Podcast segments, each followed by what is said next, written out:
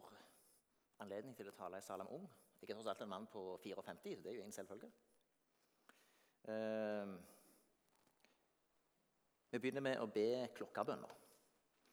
Herre, jeg er kommet inn i dette ditt hellige hus for å høre hva du, Gud Fader, min skaper, du, Herre Jesus, min frelser, du, Hellige Ånd, min trøster i liv og død, vil tale til meg.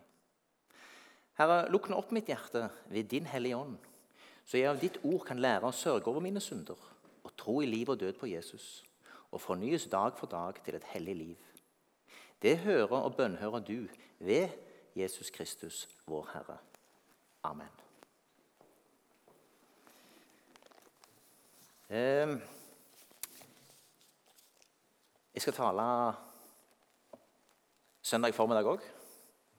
Og da driver vi litt stordrift. Jeg taler litt over de samme emnene, ikke helt ordrett likt. Men jeg bruker bl.a. søndagens tekst i dag. Ehm, for det er sånn at ehm, den sier noe viktig som, som, vi skal jobbe med litt videre her i Salem i høst. Uh, og jeg kommer tilbake til det. Men først leser vi teksten sammen. Den står i Lukas evangeliet kapittel 10, versene 38-42. Jeg har Bibelselskapet 78. Den som står der, er sikkert 2011, men jeg vet ikke om det er så stor forskjell. Så jeg leser da min ja, Dere får den til og med på nynorsk. Fint. Jeg leser på bokmål, så det blir veldig bra. På sin vei kom han til en landsby hvor en kvinne som heter Martha, tok imot ham i sitt hjem. Martha hadde en søster som heter Maria. Hun satte seg ned ved Herrens føtter og lyttet til hans ord. Men Martha var travelt opptatt med alt som skulle stelles i stand. Hun kom bort til dem, hun kom bort til dem og sa, 'Herre, bryr du deg ikke om at min søster lar meg gjøre alt arbeidet alene?' 'Si til henne at hun skal hjelpe meg.' Men Herren svarte henne, 'Martha, Martha, du gjør deg strev og uro med mange ting.' 'Men ett er nødvendig. Maria har valgt den gode del, og den skal ikke tas fra henne.' Vi ber litt. Herre, takk for disse ord. Herre, nå ber jeg om at du eh, åpner hjertene våre, så eh, vi kan eh, ta imot det du vil, Herre. Og ber om at du òg eh, gir meg visdom og åpenbaringsånd, Herre, og gir meg det jeg trenger i denne talen. Vi legger alltid i hånd, Herre. Amen. Jeg vil òg lese litt fra en tekst i andre Mosebok, 19. Der er versene versen 1-6. Det er en av lesetekstene i morgen. Den tredje nymånedagen etter at israelittene var dratt ut av Egypt, kom de til Sinai-ørkenen. Dit kom de etter at de hadde brutt opp fra Refidim, og de slo leir der i ørkenen. Israelittene leiret seg rett imot fjellet, og Moses steg opp til Gud. Der ropte Herren til ham fra fjellet.: Dette skal du si til Jakobs ett og kunngjøre for Israels folk.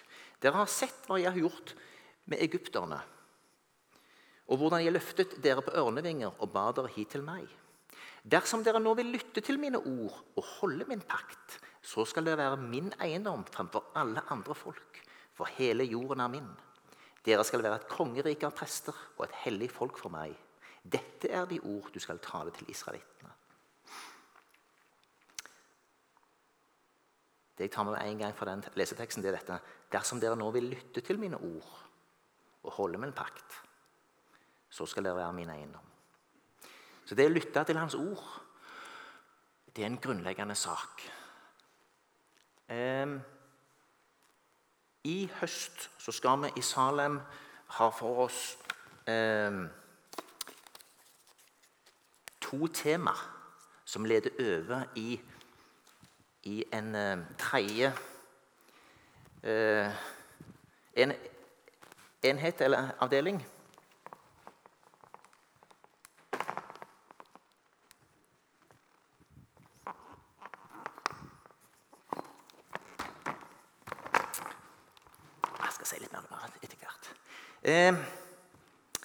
de emner vi skal jobbe med, det er først det vi er inne i nå. I kveld, neste lørdag. Og så kommer han som egentlig skal tale over temaet. Jeg, jeg, har bare invitert en kar som heter Ole Magnus Olavsrud, til å komme og tale over et tema, over en setning som er den setningen jeg har hørt han si oftest. Og det er denne setningen For det handler om en relasjon. Jeg har jo sagt dette før til noen av dere, så dere husker det jo. Men eh, han har sagt det så ofte at den setningen ringer liksom i hodet mitt.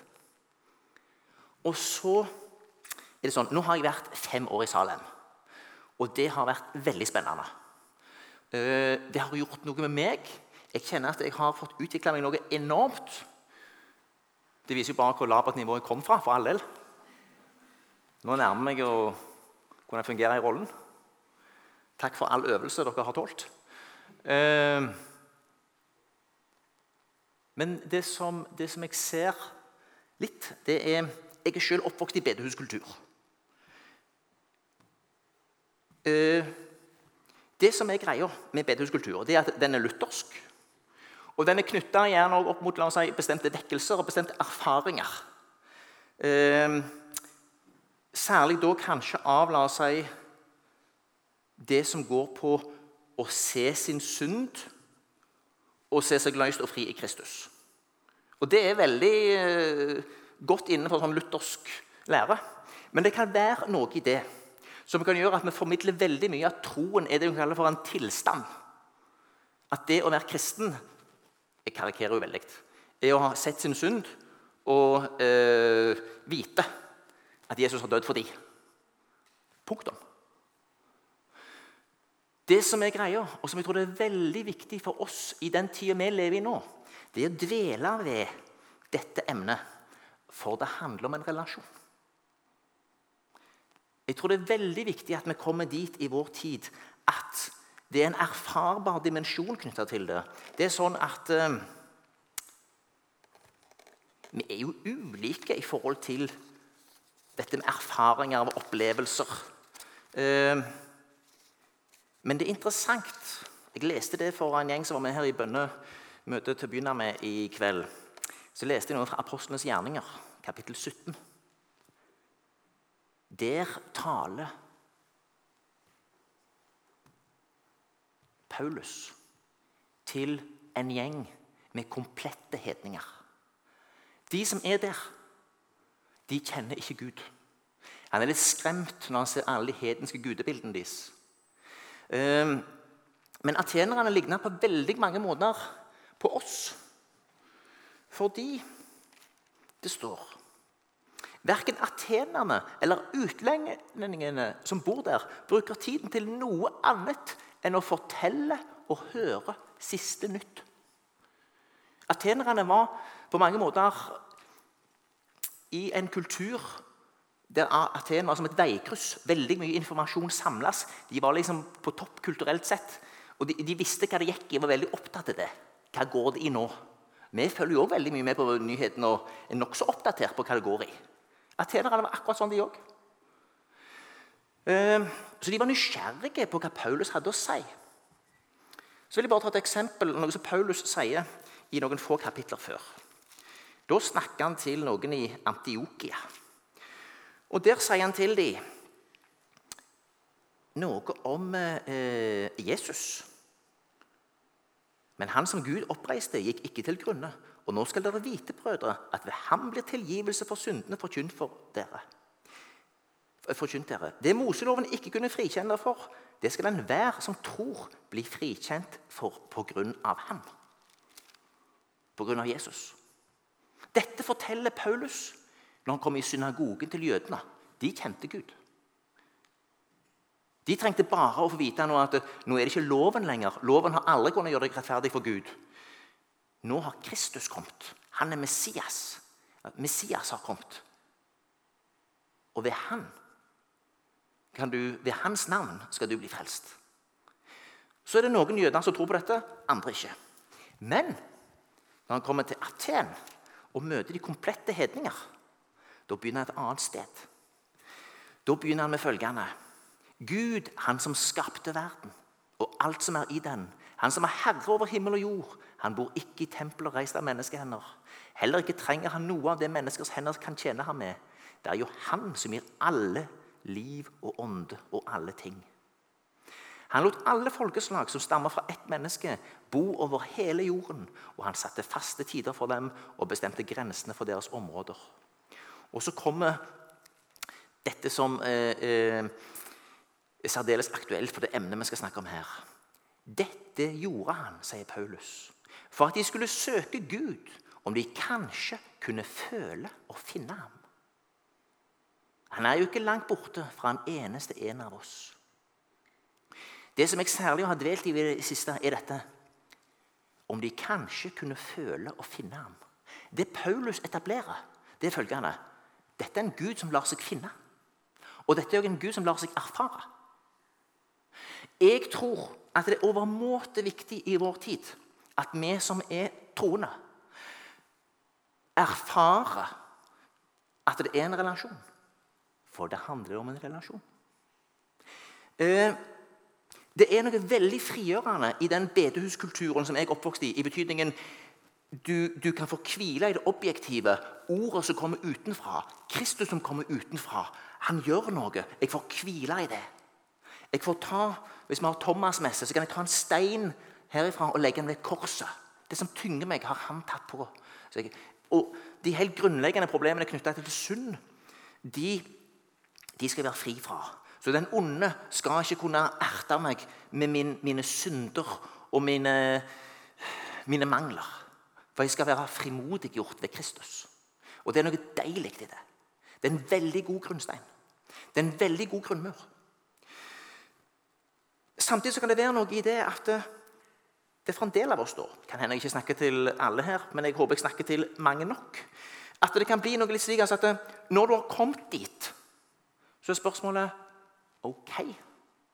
Ja, jeg hviler jo i det. Jeg tror jo i det. Men, men, så videre, da. Jeg tror det er veldig viktig for oss å hjelpe hverandre framover med det som går på det der videre. da. For det handler om en relasjon. Det skal vi ha for oss i neste Ja, i dag, neste lørdag og lørdag 18. Da kommer Ole Magnus Olavsrud eh, og snakker om dette. Og jeg bare håper å berede litt grunnen for ham. Jeg tror ikke jeg kommer til å gjenta for mye der han er. For vi har ikke samtalt direkte om det, men, men eh, jeg er trygg på at han kommer til å utbrodere dette enda bredere. I oktober så ønsker jeg at vi skal fortsette vår serie om det å hjelpe hverandre med denne vandringen som troende. Da tenker jeg vi skal ha overskriften i oktober 'Og det handler om praksis'. Det er en kar som heter Stian Kilde Aarebrot, som har skrevet ei bok som heter 'Kunsten å forme livet'. står det under uh, uh, plastisk teologi. Plastisk betyr formbar. Uh, og da er det teologi som er knytta til hva som former oss. Han er veldig på det du kaller for praksiser, vaner. Jeg liker ordet praksiser. Vaner kan for noen av oss ha litt sånn dårlig samvittighet over seg. Ja, jeg skulle hatt bedre bønnevaner. Jeg skulle hatt bedre en eller andre. Praksiser kan være liksom noe du har gjort én gang. Som er sånn at Når jeg ber, så gjør jeg sånn. Eh, så jeg ønsker at vi skal invitere dere inn i disse praksisene.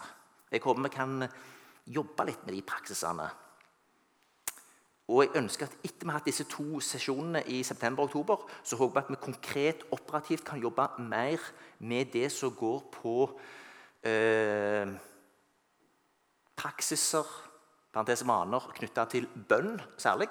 Den trenger ikke være begrensa til det, men, men, men, det vi operativt fra, fra eh, oss som har forberedt på dette, her, eh, har tenkt, det går på eh, Hvis vi går litt tilbake til hvis vi går litt tilbake til Maria her Det er veldig spennende med Jesus, som så tydelig bekrefter at Maria har valgt rett.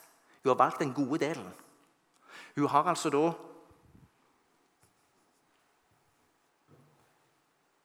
valgt en praksis som Jesus støtter.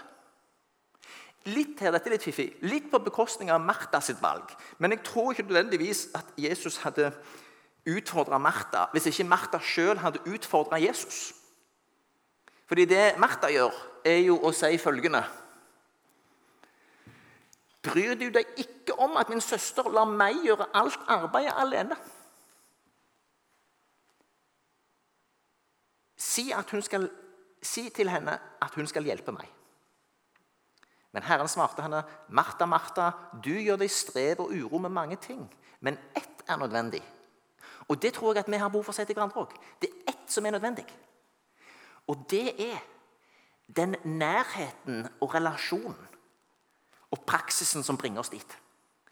Det som er greia er altså at Med Martha er det to ting hun, vi kan lære det. Det ene er at hun kommer nær Jesus. Hun satte seg ned ved Herrens føtter. Hun kom han nær, og hun lytta til hans ord. Det er på ene sida en relasjon. Hun kommer nær, hun lytter. Det kan godt hende at det var en liten dialog òg. En samtale. Praksisen her er at hun satte seg. Hun roa seg ned. Og det er et viktig poeng som jeg tror det er veldig betydningsfullt at vi, vi tar inn over oss.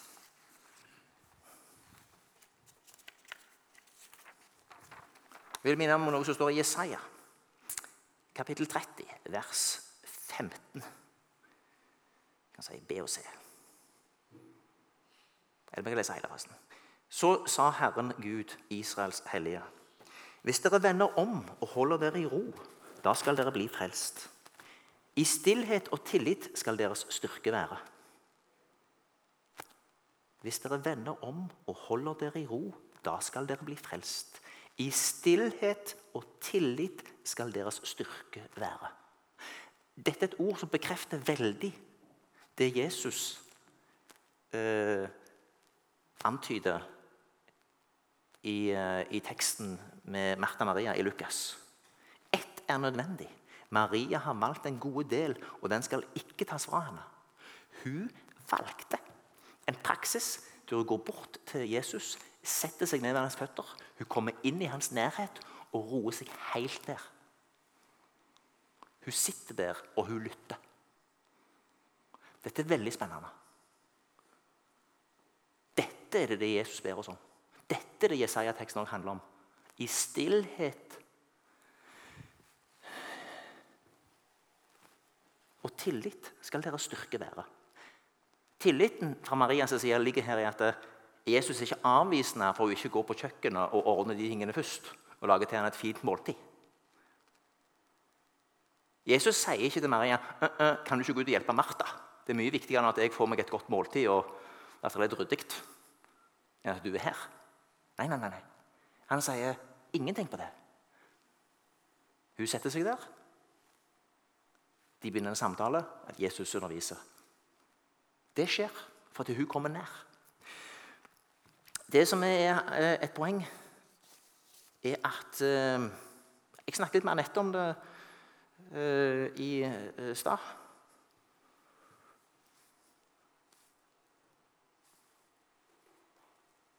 Det er sånn at vi blir fort opptatt i en sånn halvstor menighet som oss med alt som skulle vært gjort. Alle hullene. Alt som vi mangler. Vi skulle hatt noen der, vi skulle hatt noen der. Men jeg tror vi må besinne oss på følgende. Vi må tenke at det, i stillhet og tillit skal vår styrke være. Vi må primært jobbe med det som bygger relasjonen. Og vi må hjelpe hverandre med det. Vi er i tid nå der vi rett og slett trenger å hjelpe hverandre med å bygge denne relasjonen. Og vi trenger å hjelpe hverandre med kreativt, workshop-aktig arbeid for å, bygge, for, for å bygge praksiser. Her ønsker jeg virkelig at vi skal Hva skal jeg si? Ja Være kreative. Og her vil jeg bare si Den visdom og åpenbaringsånd som dere òg har fått, siden vi alle her Det er nokså demokratisk. Alle sammen har vi fått tildelt Den hellige ånd. Den hellige ånd kan godt velge å gi noen av dere konkret åpenbaring, viktige ting i forhold til det som skal gjøres i Salem framover vel så mye som noen som er heltidsansatt for å sitte og gruble og tenke over det. For det er fellesskap. Det er sånn Gud jobber. Så eh, jeg er veldig veldig åpen for innspill på de tingene vi snakker om nå. Både å dele erfaringer om hva som for deg er viktig i forhold til å bygge relasjonen med Fader, Sønn og Hellig Ånd. Og gjerne òg litt omkring praksiser, erfaringer du har gjort deg. Særlig drømmer om når vi kommer litt ut på høsten, og vi kan ha det med oss inn i neste år òg, det som går på eh, ulike praksiser knyttet til bønn. Jeg har allerede begynt å spørre litt av mine kolleger rundt forbi i Misjonssambandet. Har du en daglig praksis knyttet til bønn? Ja, Så snakker jeg med Øyvind Solheim. Han sier hver morgen så tar jeg en tur, og så ber jeg noen vers fra Salme 5. Ja. Jeg òg har mine faste praksiser. De eh, velger jeg ikke å dele i dag. Jeg skal komme tilbake til det kanskje i oktober. Eh,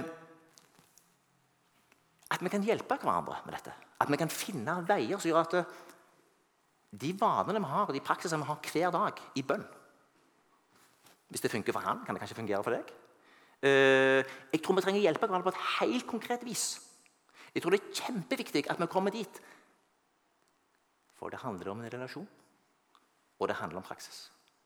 Vi trenger hjelpe hverandre med dette. Det skal ikke skygge for at vi gjør dette eh, ut ifra en frimodig tillit til at vi har en stor ypperste prest som har åpna veien inn til det aller helligste for oss, Jesus Kristus. Vi gjør det i ham. Vi glemmer ikke det. Men det kan være en tendens til at det, hvis du, hvis du kun snakker ensidig om evangeliet i denne formen, så er altså evangeliet det er, det er godt budskap. Det glade budskap om Guds rike. Og Guds rike er at Gud har kommet nær i Jesus Kristus. Og han har i Kristus gitt oss all åndens velsignelse på så veldig mange områder. Og han vil vandre med oss. En av de første det står i Bibelen som, som erfarte denne vandringen, Enok. Enok vandret med Gud, og Gud tok ham til seg. Denne vandringen må vi hjelpe hverandre med. Det er praksiser. Det er vaner. Det er ting vi gjør. Og jeg tror at vi trenger en fornyelse rundt dette som gjør altså at uh, vi gjør kanskje noen andre ting uh, enn vi har gjort før. Det kan bety at det blir noen, noen endringer. Og jeg vil frimodig oppfordre dere til å komme opp med de tingene som eventuelt dere kunne tenke dere mer av. Vi har jo ei svær vifte her av uh, ulike ting som uh, som kan komme oss til hjelp. Eh, jeg eh, tror jo at særlig kan det være bra å komme inn i noen formater knytta til bønn og bekjennelser, kanskje også skriftlesing, som ligger rimelig fast. Det vil for mange av oss som kommer fra en frikirkelig, fri kultur, være noe nytt. Typisk har vekkelsesbevegelsene, pinse, bedehuskultur, de har vært veldig på at de dyrker det frie. Jeg har snakket om dette før, og, og det er noe her som kan gå på at det, dette kan bli litt merkelig. Fordi at det, Hvis det skal se fritt ut, men du lukter at det ikke er fritt, så er det mye bedre at det hadde vært fast. Er dere med på hva jeg mener? Det er mye bedre at vi legger til rette for en fast ramme der vi gjør noen ting. Og Jeg sier ikke at det skal være i Salomon lørdag kveld eller gudstjeneste søndag formiddag. Jeg godt tenker meg å eksperimentere litt på andre tidspunkt. Det kan være en søndag kveld klokka åtte. At vi kan gjøre noen ting vi har en fast ramme. Vi leser noen tekster. Vi ber noen bønner. Vi sier noen bekjennelser. Hvis det er noen som har gaver og vil være med, så kan vi òg muligens synge noen sanger. Men et rimelig fast format. Nå drar jeg litt langt. Det skal være ca. så fast at du tør å invitere noen som aldri har vært i salen før, eh, til å erfare det, hvis du tror at de kan være med på det. Og du skal vite at i fall ikke du blir overraska, for det skal være lik, cirka likt sånn som det var gangen før. Skjønner dere hvor jeg vil hen? Jeg ønsker bare å teste ut la oss si, at vi i større grad eksperimenterer rundt praksiser og ser gir dette oss noe. Gir dette oss noe mer eller noe annet? En annen ting kan f.eks. være ta en bibelgruppe. Du eh, har kanskje opplevd sånne bibelgrupper som er sånn Vi leser en liten tekst ja, så tygger vi litt på den. Får jeg noe ut av det? Ja, litt ideer, litt tanker, og så litt fram og tilbake. Altså, Litt lesing, mye snakk. Og av og til er det greit. Men av og til er det sånn ah, Fikk vi noe ut av det? Hadde vi en sann åpenbaring over det? Kan hende kan det være greit. I dag leser vi alle de seks kapitlene i Efeserbrevet. Eller iallfall to. Eller vi leser ett kapittel, så stopper vi opp og ber. Hvis noen har fått noe som vil dele, så gjør vi det. Men målet er ikke lang deling. Hvis vi, ikke, hvis vi kjenner at det stopper litt opp, så leser vi et kapittel til. Fordi at vi skal eksponeres mot ordet mer enn mot våre egne tanker. Og at det kan være viktig å ha noen rammer. Jeg sier dette fordi jeg tror det er viktig at vi, vi jobber på ulike vis med ulike praksiser for å komme dit Maria var, nemlig at hun lytta til Jesus. Hun lytta til hva han hadde å si. Det fine med Jesus er at han er ordet. Det betyr at Uansett hvor du er i Bibelen, nesten uansett hvilken tekst du leser, så er du sammen med Jesus. For han er i ordet. Så min drøm er at vi i større grad inviterer hverandre inn. Og Hovedtemaet kommer kanskje til å være bønn. Uh, ulike former for praksiser knytta til ja, f.eks. bønn, da, som kan hjelpe oss med relasjon. Uh, jeg tenker Siden dette er første kvelden vi skal snakke om disse tingene, så drar jeg hele remsa omkring bønn der som jeg har kommet. Du har, eh, når det gjelder bønn, så har du eh, ulike praksiser knytta til hva du eventuelt gjør hver dag. Det er ulike praksiser hva du kan gjøre i en husholdning eller familie på daglig og ukentlig basis. Det kan være ulike praksiser kan vi gjøre i det lille fellesskapet vi er i, og det kan være ulike bønnepraksiser i det store fellesskapet. Vi snakker om temaet frie bønner. Bare sånne ting som dette her. Hvem ber du til når du ber en fribønn? Jeg kan merke at jeg har flytta meg fra Før ba jeg kun til Jesus. Nå tror jeg ofte jeg sier 'Herre'.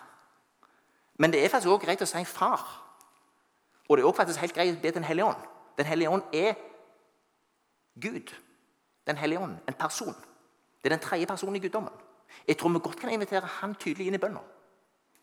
Jeg leser i en bok nå som jeg synes er veldig spennende. Der står det blant annet dette om ha, at den hellige ånd, at vår samtale med Den hellige ånd er strategisk. Det syns jeg er spennende. Jeg sier ofte til Jarle, og han er lei av å høre om det allerede En strategisk samtale med Den hellige ånd. Det tenker jeg når, når vi ber konkret om noe, og vi ber om å bli veiledet, og vi stopper litt opp og forventer å få et svar. Jeg synes Det var fint det sto strategisk i den boka. For dette, det er noe med at Den hellige ånd vil veilede oss. Han vil lære oss alt. Han vil veilede oss til hele sannheten. Det er knyttet til de frie bønnene. Så er det da faste bønner, og eventuelt en diskusjon om det. For her er det jo noen som mener at fast bønn er, det er jo annenrangs. Fri bønn der, der det er øh, de inspirerte som, som får dele er bedre. Jeg tror faste bønner har en god og viktig plass. Bønn i salmene. Salmen er 150 bønner. Der er det veldig mye å hente. Jeg ber en salme hver dag. En fast salme. Så har du bønn som tilbedelse, skråstrek lovprisning.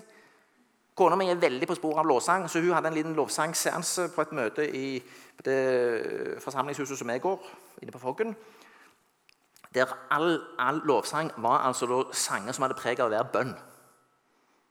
Det syns jeg var bra. Da testa vi ut det. Lovsang som bønn. Bønn som takk. Og nå er det en fin sak her. Dette ser vi i salmene, men ikke så ofte hos oss. Bønn som klage. Wow! Gud tåler klagen vår. Han tåler at vi klager, òg i bønn. Det finnes mange salmer som er klagebønn. Det er viktig. Det er viktig å vite at det er sånn. For det handler om en relasjon. Vi vet jo det, at en relasjon med f.eks. dine foreldre Det er jo ikke hver dag du lovpriser dem, for å si det sånn. Det finnes dager for klage. Det finnes dager for liksom sant? Av og til må det bare ut. Det er viktig at vår Far i himmelen er en sånn som tåler klagen vår. Han tåler sågar anklagen vår. Gud, hvorfor svarer du ikke? De er jo helt fortvila av og til i Bibelen, altså i, i salmene og andre plasser, om han som uh, virker så fjern. Bønn som takk. Og forbønn. Og kanskje til slutt bønn som stillhet. Der jeg sitter og er bare, bare, er med Gud, sågar uten ord. Kanskje han kan si noe til meg? Jeg tror vi trenger å hjelpe hverandre for gjennom disse praksisene, gjennom det at Maria satte seg ned valgte det. Så kunne en relasjon bygges. Og det jeg tror er kjempeviktig at vi hjelper hverandre og jobber litt sånn workshop-aktig eksperimenterende med ulike former for praksiser. Eh, for å bygge denne relasjonen som vi så inderlig trenger. Og jeg tror dette er en viktig del av det å bli en disippel. Det å bli disippelgjort gjennom å Hva skal jeg si Gjøre ting. Ikke som en lovisk sak, men mer Jesus spør noen som følger etter han der, de første disiplene, hva vil dere? Så svarer de, 'Herre, hvor bor du?' Så sier han, 'Kom og se'. Så inviterer han de bare inn i livet sitt. Han inviterer de bare inn til å se hva han gjør. Og det er det Han vil invitere oss inn i, i, i ord òg, til å se både hva han gjorde, som vi kan lære av. Han hvilte en del, han ba en del, han gikk avsides en del, han samtalte en del. Han ba med mennesker, men han, eh, han gjorde forskjellige ting. Å hjelpe hverandre med å praktisere eller se litt på hva Jesus gjør.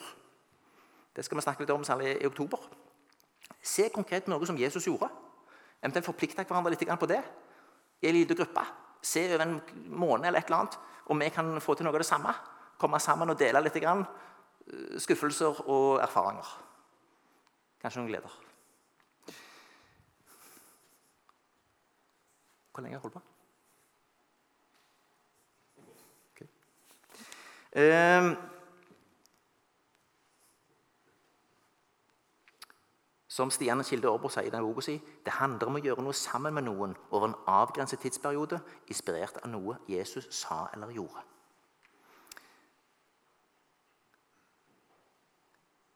Når Jesus stopper opp, sier han aldri 'Les deg opp på dette først'. 'Forstå hvem jeg er, at jeg er født av en jomfru, er en del av treenigheten og har dødd på korset for dine synder.' Først når du har forstått dette og trodd alt dette, kan du bli med meg.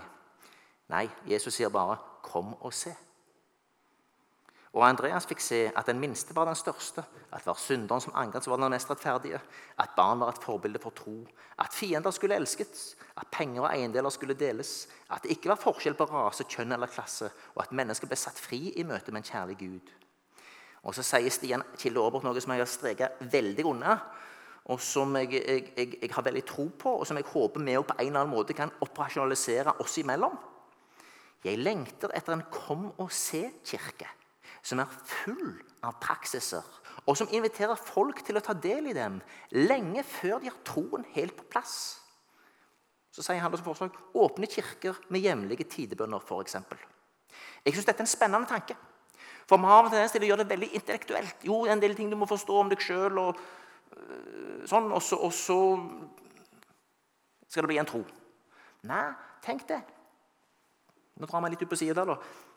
Ja, hva gjør du da? Hva er det å være en kristen? Jo, av og til så samles vi og gjør sånn. Ja, Kan jeg bli med på det? Ja, vær så god. At, vi inviterer noen inn i en praksis. At vi kan invitere noen med til å ta del i noe som skjer. Jeg burde ikke ha forberedt noen sånne praksiser i dag. Det har jeg ikke gjort. Jeg burde jo ikke ha sagt at vi skulle både synsbekjennelse og trosbekjennelse sammen. Det har jeg ikke gjort. Men eh, jeg håper vi kan gjøre det kanskje neste lørdag. Det, det er eksempler på praksiser. Nattverden er en praksis. Uh, og jeg tror at noen av disse praksisene kan være faste, gode vaner. Som vi sier 'Dette gjør vi'. For det er en hvile i det at det er noen som har forberedt noe, noe som bærer, noe som gjør at jeg ikke alltid trenger la oss si, å bære det sjøl. Noen har forberedt noe, vi trer inn i det. Jeg tror det er en god ting.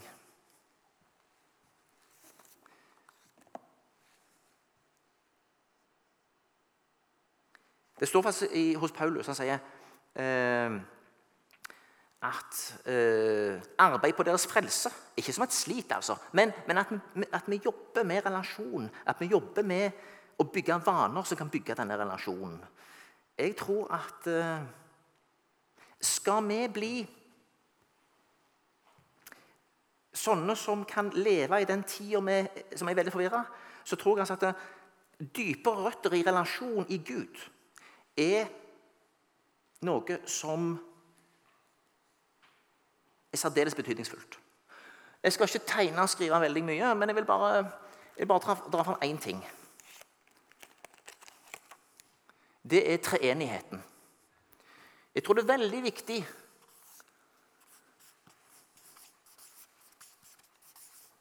å få lov til å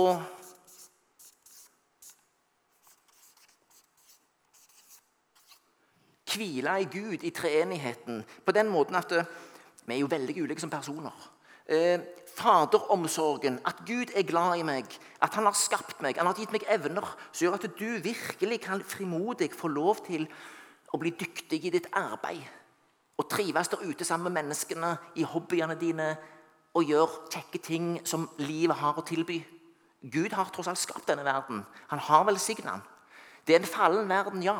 Men det finnes faktisk gode ting der ute. Det finnes sann glede. Det finnes noe å glede seg over. Og disse tingene skal vi kunne ta til oss. For Gud Fader, som har skapt, han har stor omsorg for oss, og han vil vi skal få lov til å være der. Så det å utvikle dine talenter, evner og gaver i studier, i arbeid, i hva du ellers holder på med, se ikke smått på det. Så er det herlig å være frimodiggjort ved Sønnen. At du skal kunne hvile i at du eh, er god nok for Gud pga. Jesus Kristus. At du ikke trenger å lure på det. Bare lese en tekst der. 1. Johannes 5. 13. Dette har jeg skrevet til dere for at dere skal vite at dere har evig liv, dere som tror på Guds sønns navn. Jeg tror det er kjempeviktig å få hvile i det.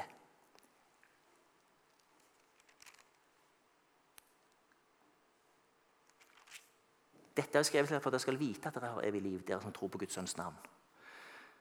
Og Sønnen frimodiggjør oss. Et emne som jeg tror kan være viktig her, det er det som går på identitet. Og Her er jeg på en liten sånn eh, oppdagelsesreise sjøl. Identitet Det er sånn Jeg snakket med en kar en gang som sa jeg har fått en, en, en, en trygg identitet i Jesus Kristus. Jeg delte det med noen kolleger her en dag. Det synes jeg er et spennende emne. Jeg kan godt tenke meg å jobbe litt mer med det. Hva er det å ha en trygg identitet i Jesus Kristus? Eh, Sjøl har jeg nok, la oss si, som en bedehuskristen i voksen alder erfart og oppdaget mye mer av Den hellige ånd. Og hviler i Den hellige ånd i betydningen det er ikke alt jeg forstår, men jeg har tillit til at Den hellige ånd vil dekke det gapet.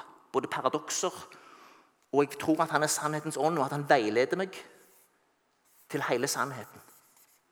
Og i det som er vanskelig å forstå og tro. Jeg tror jeg kommer til å snakke litt mer om treenigheten neste lørdag. Men dette er en smakebit. Nå har jeg i kveld bare dratt opp et riss av noe av det vi ønsker å jobbe mer med. Gi gjerne tilbakemelding til Jarle eller meg hvis det er noe her som dere selv er interessert i å være med på. For jeg håper at det kan bli litt workshop-aktig. Hvis noen av dere har noe å dele, så vil dere si for neste lørdag. så er dere velkommen til det. Har dere noe dere vil sprette opp og si etterpå her, så tror jeg det hadde vært mulighet for det òg. Men, men eh, For det handler om en relasjon. Har vi nå altså i kveld, neste lørdag og lørdagen deretter. Og i oktober har vi Og det handler om praksis. Ja, vi stopper der. Vi ber. Herre, takk for at vi kan hvile i deg. Takk Herre, for at du først og fremst kaller oss som Maria til å sitte ned ved dine føtter. Takk, Herre, for at du eh, vil gi oss visdom og åpenbaringsånd. Takk, Herre, for at du ikke lar oss være igjen som foreldreløse barn.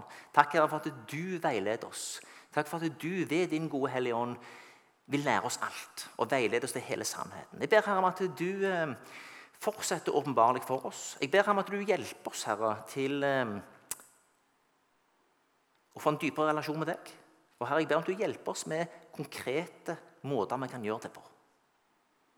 Særlig ber jeg for miljøet her i Salamung, Herre. Jeg takker deg for alle som går her. Herre, jeg ber for dette miljøet. Jeg ber om at du må utvikle det. Jeg ber om at du må grunnfeste de som går her. Jeg ber om at du må disippelgjøre de. Jeg ber her om at eh, de må få lov til å eh, erfare og utvikle relasjon til deg gjennom det å være en del av dette fellesskapet. Herre, vi legger alt dette i din hånd. Velsign kvelden videre for oss alle. Amen.